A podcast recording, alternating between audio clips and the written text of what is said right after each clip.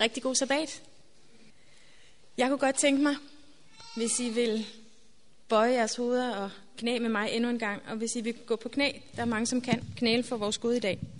Ikke at den anden bøn ikke var god nok, men jeg har behov for det, for jeg har ikke noget at sige mig selv. Kære himmelske far, vi kommer frem for dig nu, som mennesker her i din kirke, der ønsker at følge dig. Kære far, det er en ond verden, vi lever i. Der sker ting og sager omkring os, som vi ikke forstår. Og alligevel så ved vi fra dit ord, at tiden er knap, og at du kommer snart igen. Kære far, jeg beder, om du må åbne vores hjerter nu for dit ord. Vil du skjule mig fuldstændig i dig? Vil du bruge mig som et redskab til at sige dine ord? At mine egne ord må blive gemt væk. Kære far, jeg beder om, at du må fjerne al ond indflydelse, der er i det her rum. Vil du stå vagt omkring hver enkelt af os med din hellige engle? At du må passe på os, så vi ikke bliver distraheret, men at vi kan få et møde med dig i dag. At når vi går herfra i dag, at vi så er forandrede mennesker, ikke som da vi kom, men at du har gjort en forskel i vores liv, og vi har fået et møde med dig. Det er min bøn, kære far, i Jesu navn. Amen.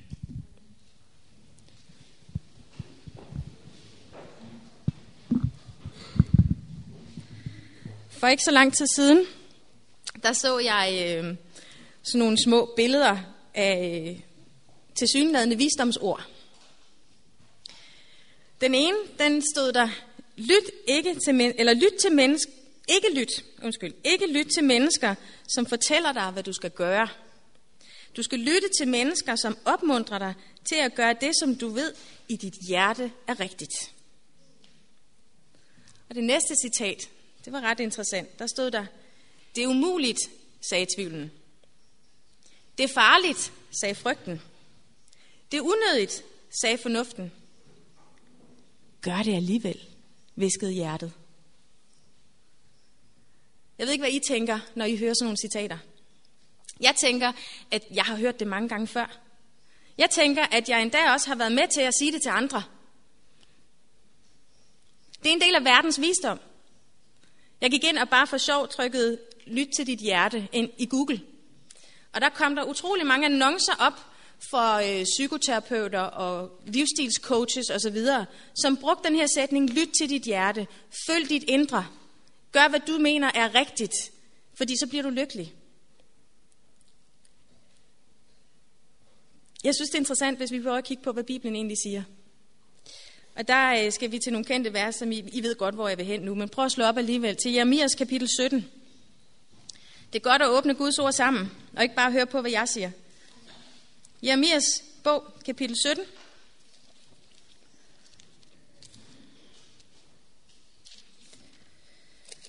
Lige finde det selv her.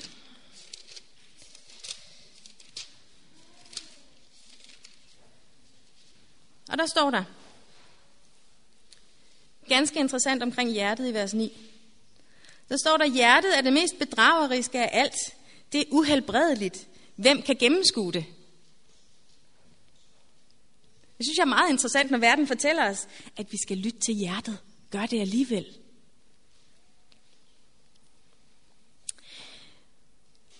Inden vi finder det her vers i Jeremias kapitel 17, så kommer der noget rigtig interessant ovenover i vers 5 med en overskrift, der hedder Tillid til Herren, ikke til mennesker. Og den er ret interessant i forhold også til den sabbatskolelektie, vi har haft i dag. Men lad os prøve at læse fra vers 5, der står der, Dette siger Herren, Forbandet den mand, som stoler på mennesker og søger sin styrke hos dødelige, men hvis hjerte viger fra Herren.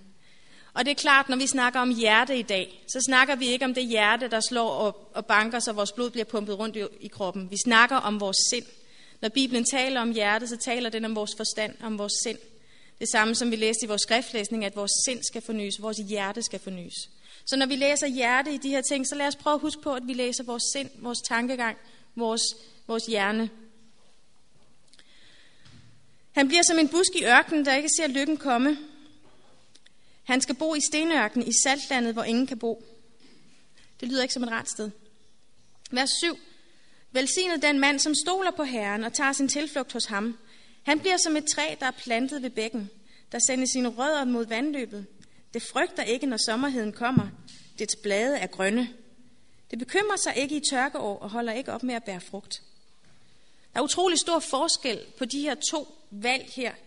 At den mand, som stoler på mennesker, hvad der sker med ham, og den mand, som sætter sin lid til Herren, som stoler på Herren, og som tager sin tilflugt hos Herren, hvad der sker med ham. Den ene skal bo i stenørkenen, et sted, hvor der ikke er, ikke er noget liv. Der er ikke liv i at stole på mennesker, for mennesker, vi har ikke visdom i os selv. Men den mand, der stoler på Herren, han kommer til at være som et træ, hvor rødderne suger sig dybt ned i jorden og hen til vandløbet. Og det er så for, og, og, og, og har så meget næring, så det behøver ikke at frygte, når der kommer hede. Og det behøver ikke at bekymre sig for tørke, for det holder ikke op med at bære frugt. Det er den slags træer, vi skal være, der ikke holder op med at bære frugt, fordi vi sætter vores lid til Gud. Og så kommer der så igen ordene, hjertet er det mest bedrageriske af alt. Det er uhelbredeligt. Hvem kan gennemskue det? Jeg synes, det er interessant, hvis vi prøver at kigge på, hvor verden har fået den her visdom fra med, at vi skal lytte til vores eget hjerte. Gør som du vil. Gør det, der føles godt for dig. Det er det rigtige. Så bliver du lykkelig. Der er nok ikke mange, der tænker over, øh, at det var en mand, som hedder øh, Alistair Crowley, jeg ved ikke, om I har hørt om det navn før, som faktisk kom med den her filosofi i starten af 1900-tallet. Det var ham, der var ophavsmanden til meget af det okulte, moderne okultisme og satanisme, som vi ser i dag. Senere var der en mand, som hed øh, Anton LaVey, som tog det op, og det var så ham, der stiftede den sataniske kirke og lavede og skrev den sataniske bibel. Deres motto og ordsprog, det var, gør hvad du vil, det skal være hele loven. Gør hvad du vil. Gør det, der føles rigtigt for dig, så bliver du lykkelig. Har I hørt det her før? Gør, hvad du har lyst til. Du skal ikke tro på, hvad Gud siger. Gør, hvad du synes er rigtigt. For mig så er det slangesprog. Jeg kan høre det i Edens have, hvor Satan han står og siger til Eva, kan det virkelig passe, hvad Gud han har sagt? Er det nu også rigtigt, at I skal holde jer fra det træ? Gør nu bare, som du har lyst til. Prøv at se, det ser godt ud. Spis det. Prøv nu bare. Gør, hvad du har lyst til, så bliver du glad. Tvivlen på Guds ord, det er det, som vi ser rundt omkring os hele tiden. Men lad os prøve at se, hvad Gud han fortæller os, at hjertet indeholder endnu mere. Prøv at gå til Matteus evangeliet kapitel 15. Så har vi Jesu egne ord for, hvad hjertet indeholder. Matteus evangeliet kapitel 15 og versene 18-19. Der står der her, Matteus evangeliet kapitel 15 og vers 18-19. Men det, som kommer ud af munden, udgår fra hjertet, fra tankegangen. Og det gør et menneske urent. Til fra hjertet udgår onde tanker, mor, ægteskabsbrud, utugt, tyveri, falsk vidnesbyrd og bespottelser. Det er meget sjovt, at Jesus han nævner alle de ting, som faktisk er en del af de ti bud, som Gud han siger, dem skal I lade være med at gøre. Og vi har satans lov, der hedder, gør som du har lyst til. Det er hele loven.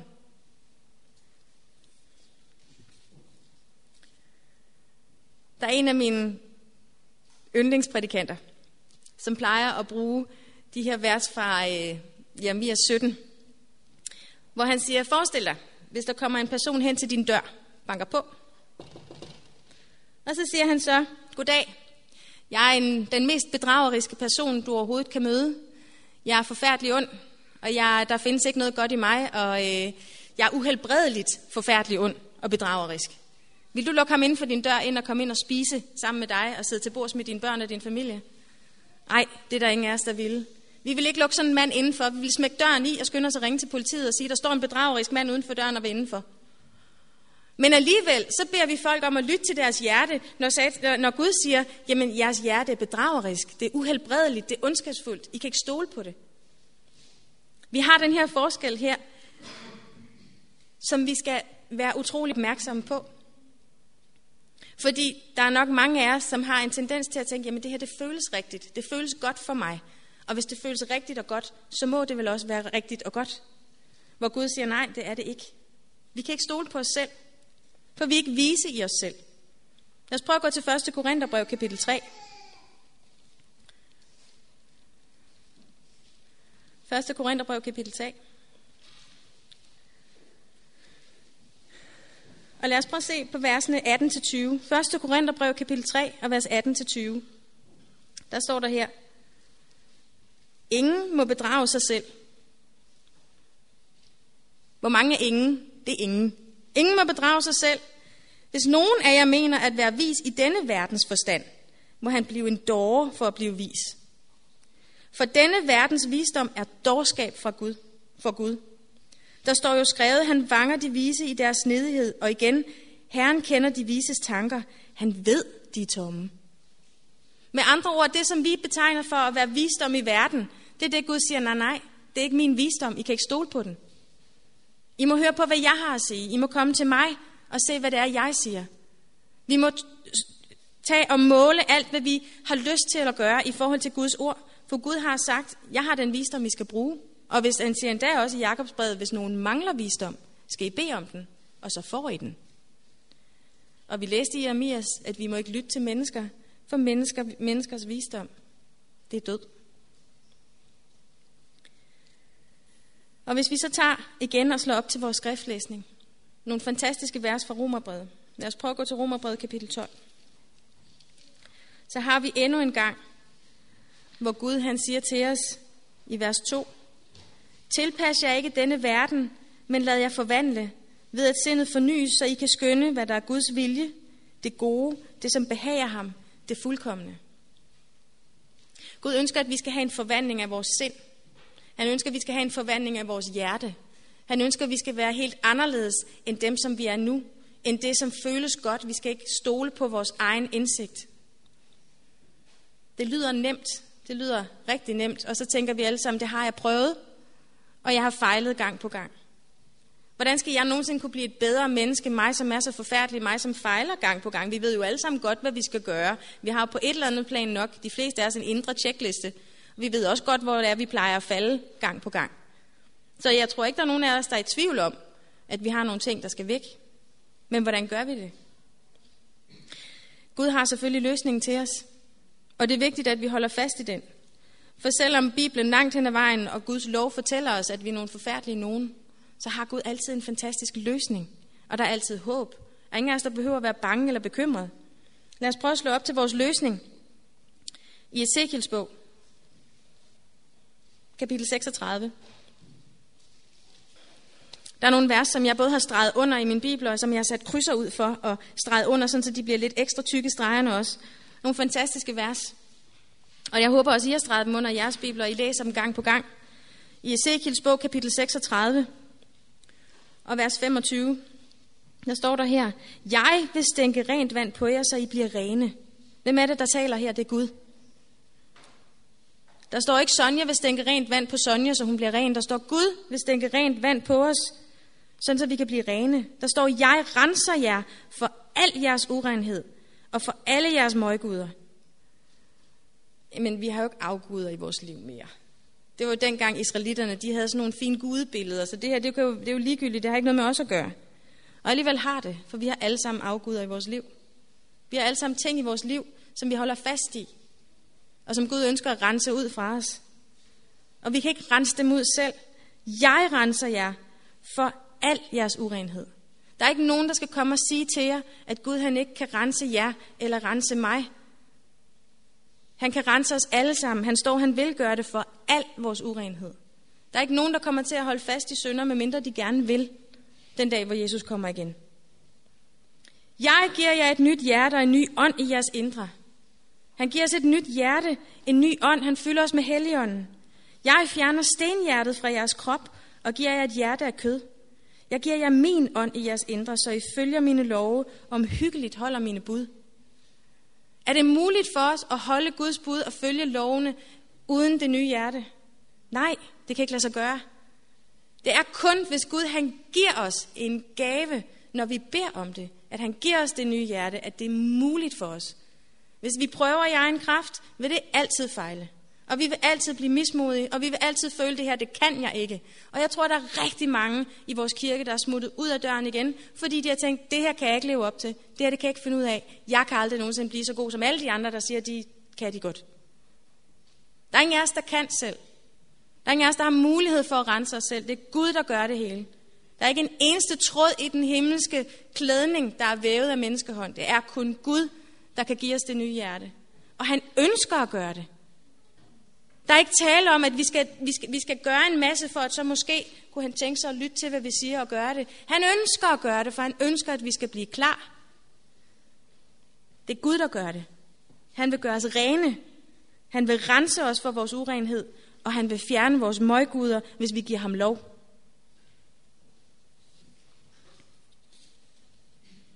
Gud har kraft til at ændre os. Men han siger, lad være med at lytte til jeres egen visdom. Lyt til min visdom. Kom til mig og hør, hvad jeg har at sige. Hør, hvad mit ord har at sige. Det er her, al vores visdom er. Det er her, vi har, hvad vi skal bruge. Og lige om lidt, så har vi ikke mere tid. Og jeg tror på, at Gud han kalder endnu mere inderligt på os alle sammen lige nu. Vi kan se, hvad der skete i Frankrig. Forfærdelige ting. Terrorhandlinger. Og det mest interessante er, vi kan sige, jamen det er forfærdeligt. Vi, mine tanker går virkelig til offrene for de her mennesker, der er, øh, der er blevet slået ihjel. Og går til de pårørte, pårørende. Men vi må også se på, hvad er det for en verden, vi nu lever i. Det bliver mere og mere hyppigt med terror. Og det er ikke kun nu, fordi det er ISIS, det handler om. Det handler om religiøse ekstremister, det her. Vi er religiøse ekstremister med det, vi tror på fra Guds ord. Så lige om lidt, så kan der komme til at ske ting og sager, hvor vi skal ud og forklare, hvad vi tror på. Vi har en præsidentkandidat i USA, verdens mest indflydelsesrige nation, som er adventist. Der er fokus på adventister rundt omkring, kære venner. Og lige om lidt, så begynder vores kolleger, vores naboer og alle, vi kender, at begynde at spørge, om du er adventist, er du ikke det? Hvad er det nu, det er for noget? Så håber jeg ikke, at vi kommer til at sige til dem, jamen det er dem, der ikke spiser svinekød, og det er dem, der går i kirke om sabbaten, og så er den færdig. Det er ikke det, vi står for. Vi må vide, hvad vi står for. Vi må lade Gud vise os nu, hvem vi er som syvende dags adventister, så vi kan gå ud og vise dem hen til Jesus. Så vi kan gå ud og vise folk, at der er en bedre udvej end den verden, vi ser nu. At Gud han har en plan, og han har en løsning, han har en visdom i sit ord, som vi mangler. Vi, mig selv inklusiv. Vi er ikke klar endnu, men Gud ønsker at gøre os klar. Jeg tror på, at han bruger de her omstændigheder for, at vi skal vågne op. For at vi skal se, hvad det er for en verden, vi lever i. For at vi skal se, at vi har et ansvar for de mennesker, som er uden for væggene her hos os. Det handler ikke kun om, at vi skal hygge os og være klar. Vi har et ansvar, så vi skal blive klar for vores skyld, så vi kan hjælpe verden. Vi har fået den tredje engelsk budskab, der skal udbredes. Ikke for, at vi kun skal hygge os, men for, at vi skal give det til dem, der, der, der dør omkring os. Og hvis ikke vi ved, hvad det handler om, hvis ikke vi har taget det her til os, hvis ikke vi har en levende tro og Guds ånd og et nyt hjerte, så har vi ingenting at give. For kære venner, så kan vi ikke stå fast, når det er, at tingene begynder at gå rigtig galt omkring os. Og det handler om, at Gud ønsker, at vi skal være så grundfæstet i vores tro, at vi skal have så meget tillid til ham, så vi kan stå fast og vise andre omkring os, hvem Gud er, og hvad det er, han ønsker at gøre i deres liv også. Men det kræver, at vi har erfaringen selv. Ikke at nogen af os er perfekte. Gud han har lovet, at han vil gøre sit arbejde færdigt i os. Det vil sige, at det er en vandring, vi er på. Men han har også lovet, at når vi giver ham lov, så vil han gøre det færdigt. Vi behøver ikke at være bange for, om vi bliver færdige eller ej. Hvis vi giver ham lov hver dag, så vil han gøre det. Og jeg kan ikke lade være med at tænke på det syn, som Ellen White hun har vist os, eller fortalt om, hvor hun ser Guds folk, der skal på en vandring. Og de starter med hestevogne og oppakning og de øh, kører afsted i vognkortage. Og som vejen den bliver smallere og smallere, så kan de godt mærke, okay, men på den ene side, der er der en, en stejl væg, og på den anden side, der er der simpelthen en dyb afgrund. Og de kan godt se, at der bliver mindre og mindre plads til vognene, så okay, nu kører de så en efter en, og de kan godt se, at nu snæver vejen mere og mere til. Så lader de vognene være, de tager hestene, de går op på hesteryg og tager deres kufferter med, og de rejser videre, og de rejser videre. Og som vejen den bliver mere og mere snæver, jamen, så er de nødt til at lade deres oppakning gå. Kufferterne de ryger ud over kanten. Hestene bliver stående, fordi vejen snæver mere og mere til. Og for hver gang de er nødt til at lade noget blive tilbage, så er der også mennesker, der bliver tilbage. For hver gang vejen snæver ind, så er der folk, der ikke går med. Og til sidst, så snæver det så meget ind, så de kun lige kan gå på et meget, meget smalt stykke. Og der, lige pludselig, så kommer der ræb ned fra himlen. Og de ræb, de starter med at være meget tynde, så de lige kan holde fast i dem. Og de tager fast i, fat i de ræb. Og som de går videre og videre hen, så kan de mærke, okay, vi er nødt til at smide skoene. Vi er nødt til at gå barfodet afsted her, fordi der er mindre og mindre plads. Og det bliver så trangt så flere steder, så de er nødt til at holde fast i ræbet, for ellers så falder de ud over kanten. Og de kan ikke se, hvor rebet sidder fast. Det kommer fra himlen og ned. Og som de går frem, og mere, længere og længere frem, så kan de se, at der er blod på væggen, der er blod på der, hvor de går, og de kan se, at der er folk, der er gået forud for dem. Der er nogen, der har gået på den her sti før dem, og det giver dem mod, fordi de kan se, at der er nogen, der er kommet videre. Men de kan også se, at den forsamling, der går, bliver mindre og mindre og mindre. Men som de ser, at de går fremad, så bliver det reb, de holder fast i, tykkere og tykkere. Og til sidst så kommer de frem til et sted, hvor der kun er dyb afgrund, de kan ikke gå videre. Og over på den anden side kan de se en slette, hvor det ser godt ud. Men det kræver, at de skal på, fra der, hvor de står, og over afgrunden. Og de holder fast i det her reb, som nu er blevet så tykt, så det næsten er på størrelse med, med, med deres egen krop. Og lige pludselig så, så, så bliver de modløse, for de tænker, jamen, hvordan kommer vi derover? Hvordan kommer vi derover? Hvad skal der ske? Hvem holder rebet? Hvem, hvem holder egentlig det reb, vi har holdt fast i? Og så er der en stemme, der siger, Gud holder rebet. Det er Gud, der holder os. Og så får de mod igen, og de svinger sig over på den anden side i rebet, og de kommer over i det forgættede land. Det er en drøm, det er et syn. Men det giver et billede på, hvad det er for en vandring, vi er på lige nu alle sammen. Vi er på en vandring, hvor vi er nødt til at sige ting i den her verden fra. Jesus siger selv, vi kan ikke tjene den her verden over ham samtidig. Gud han kalder os ud fra der, hvor vi er, og hen til et højere stadie. Han tager os på en vandring, hvor vi hele tiden skal lære at lægge ting fra os, og lægge ting fra os, og lægge ting fra os. Jeg skal ikke kunne sige, hvad der er i dit liv. Jeg ved, hvad der er i mit liv. Men jeg ved også, at hvis jeg stopper på vandring og siger, her til Gud er ikke længere, nu vil jeg ikke være med mere, så får jeg lov til at blive stående. Så tvinger han mig ikke videre.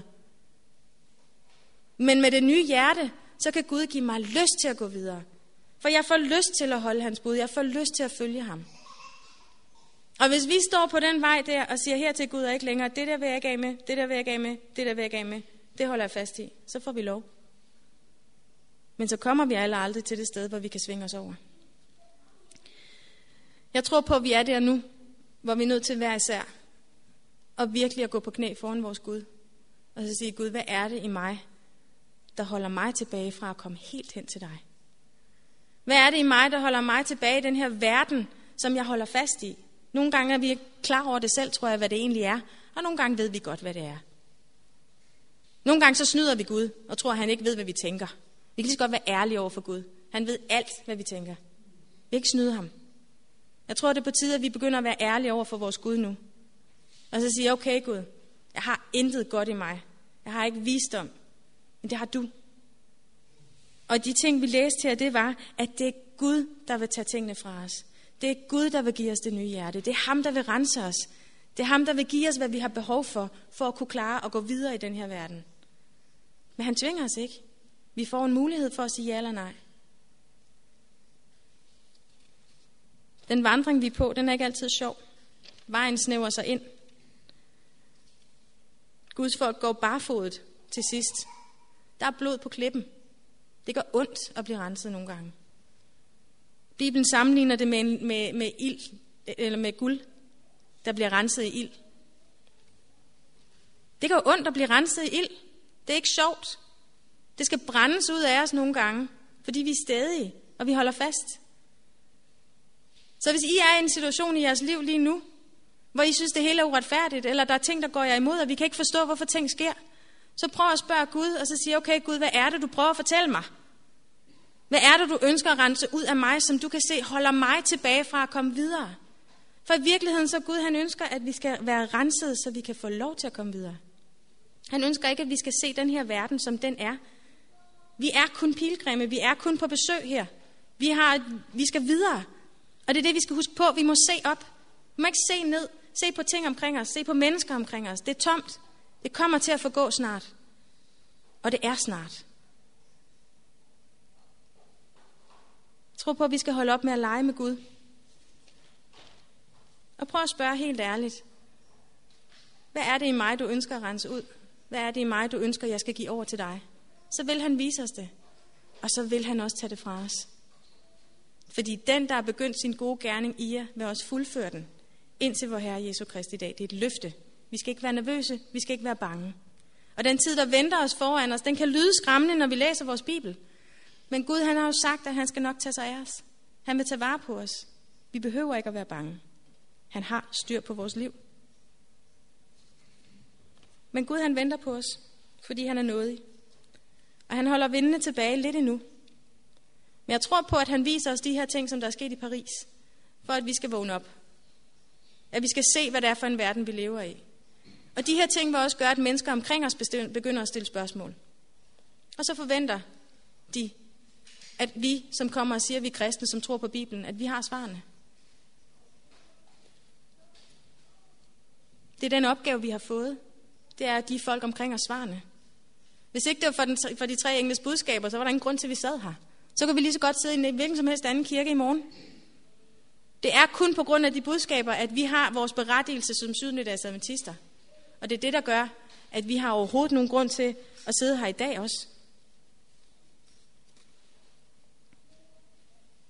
Min opfordring til os alle sammen, mig selv inklusiv, det er, at vi skal ret ryggen. Vågne op. Og når vi har gjort det, så går vi på knæ. Og beder vores Gud om at hjælpe os til at se, hvad det er, der mangler i vores liv. Og hvor det er, vi har vores afguder. Så han kan få lov til at rense os. Giv os det nye hjerte, som han lover. Og bruge os til den opgave, som lige om lidt er, snart er, som lige om lidt er færdig. Den opgave, som vi har fået, og som vi ikke har særlig meget mulighed for ret meget længere, tror jeg på, at gøre færdig. Vi har lidt tid endnu, men lad os prøve at bruge den tid så godt vi kan. Og lad os huske på, at den vandring, vi er på med Gud, den ønsker han at gå sammen med os, så vi ikke behøver at være bange. Vi kan ikke i egen kraft, og vi må aldrig nogensinde prøve i egen kraft. Jeg kunne godt tænke mig at synge en lille sang her til sidst. Det er en Negro Spiritual, der hedder I Want Jesus to Walk With Me. Og i og med, at, øh, at den slags sange, den har, de har en tendens til, at man godt må digte lidt selv, så har jeg lavet det sidste vers lidt om i teksten. Øh, det er den frihed, jeg har taget mig. I want Jesus to walk with me. I want Jesus to walk with me. All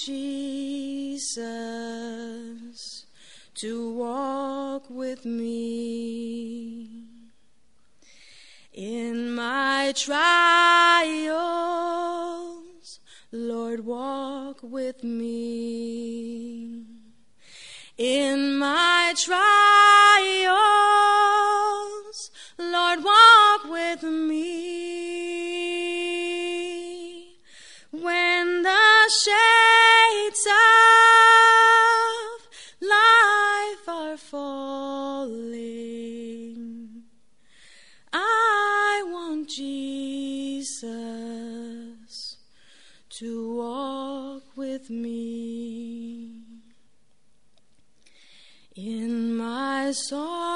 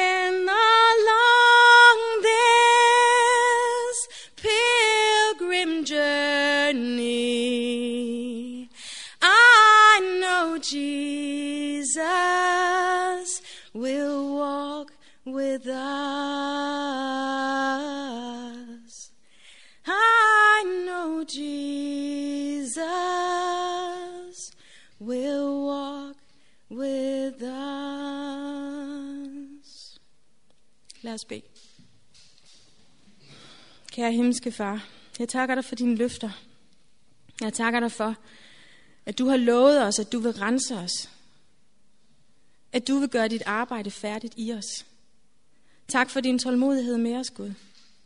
Tak fordi vi har kunne få lov til at komme til dig, som vi er, og at du vil give os det nye hjerte, som vi så desperat har brug for. Kære far, det er min bøn, at du må hjælpe os til at dø for den her verden. At du må gøre os villige til, at være villige til at give os dit hjerte, så du kan give os et ny. Give os, så give dig vores hjerte, så du kan give os et nyt hjerte af kød. Kære far, jeg takker dig for, at du er mægtig, og du har overvundet den her verden, og at du har overvundet Satan. At vi ikke behøver at være bange for fremtiden, men at du har styr på vores liv. Jeg beder om, far, at du må hjælpe os til at være ærlige over for dig. At du må hjælpe os til at overgive os til dig nu. Så vi kan blive den rest, som du så inderligt ønsker skal være her på jorden. Så vi kan få lov til at være dem, der står og er levende, når du kommer igen i skyerne. Kære far, det er min bøn, at vi alle sammen må være med. Det er min bøn, at du må tage fat i os nu og lede os hele vejen hjem til dig. Jeg takker dig for alt i Jesu navn. Amen.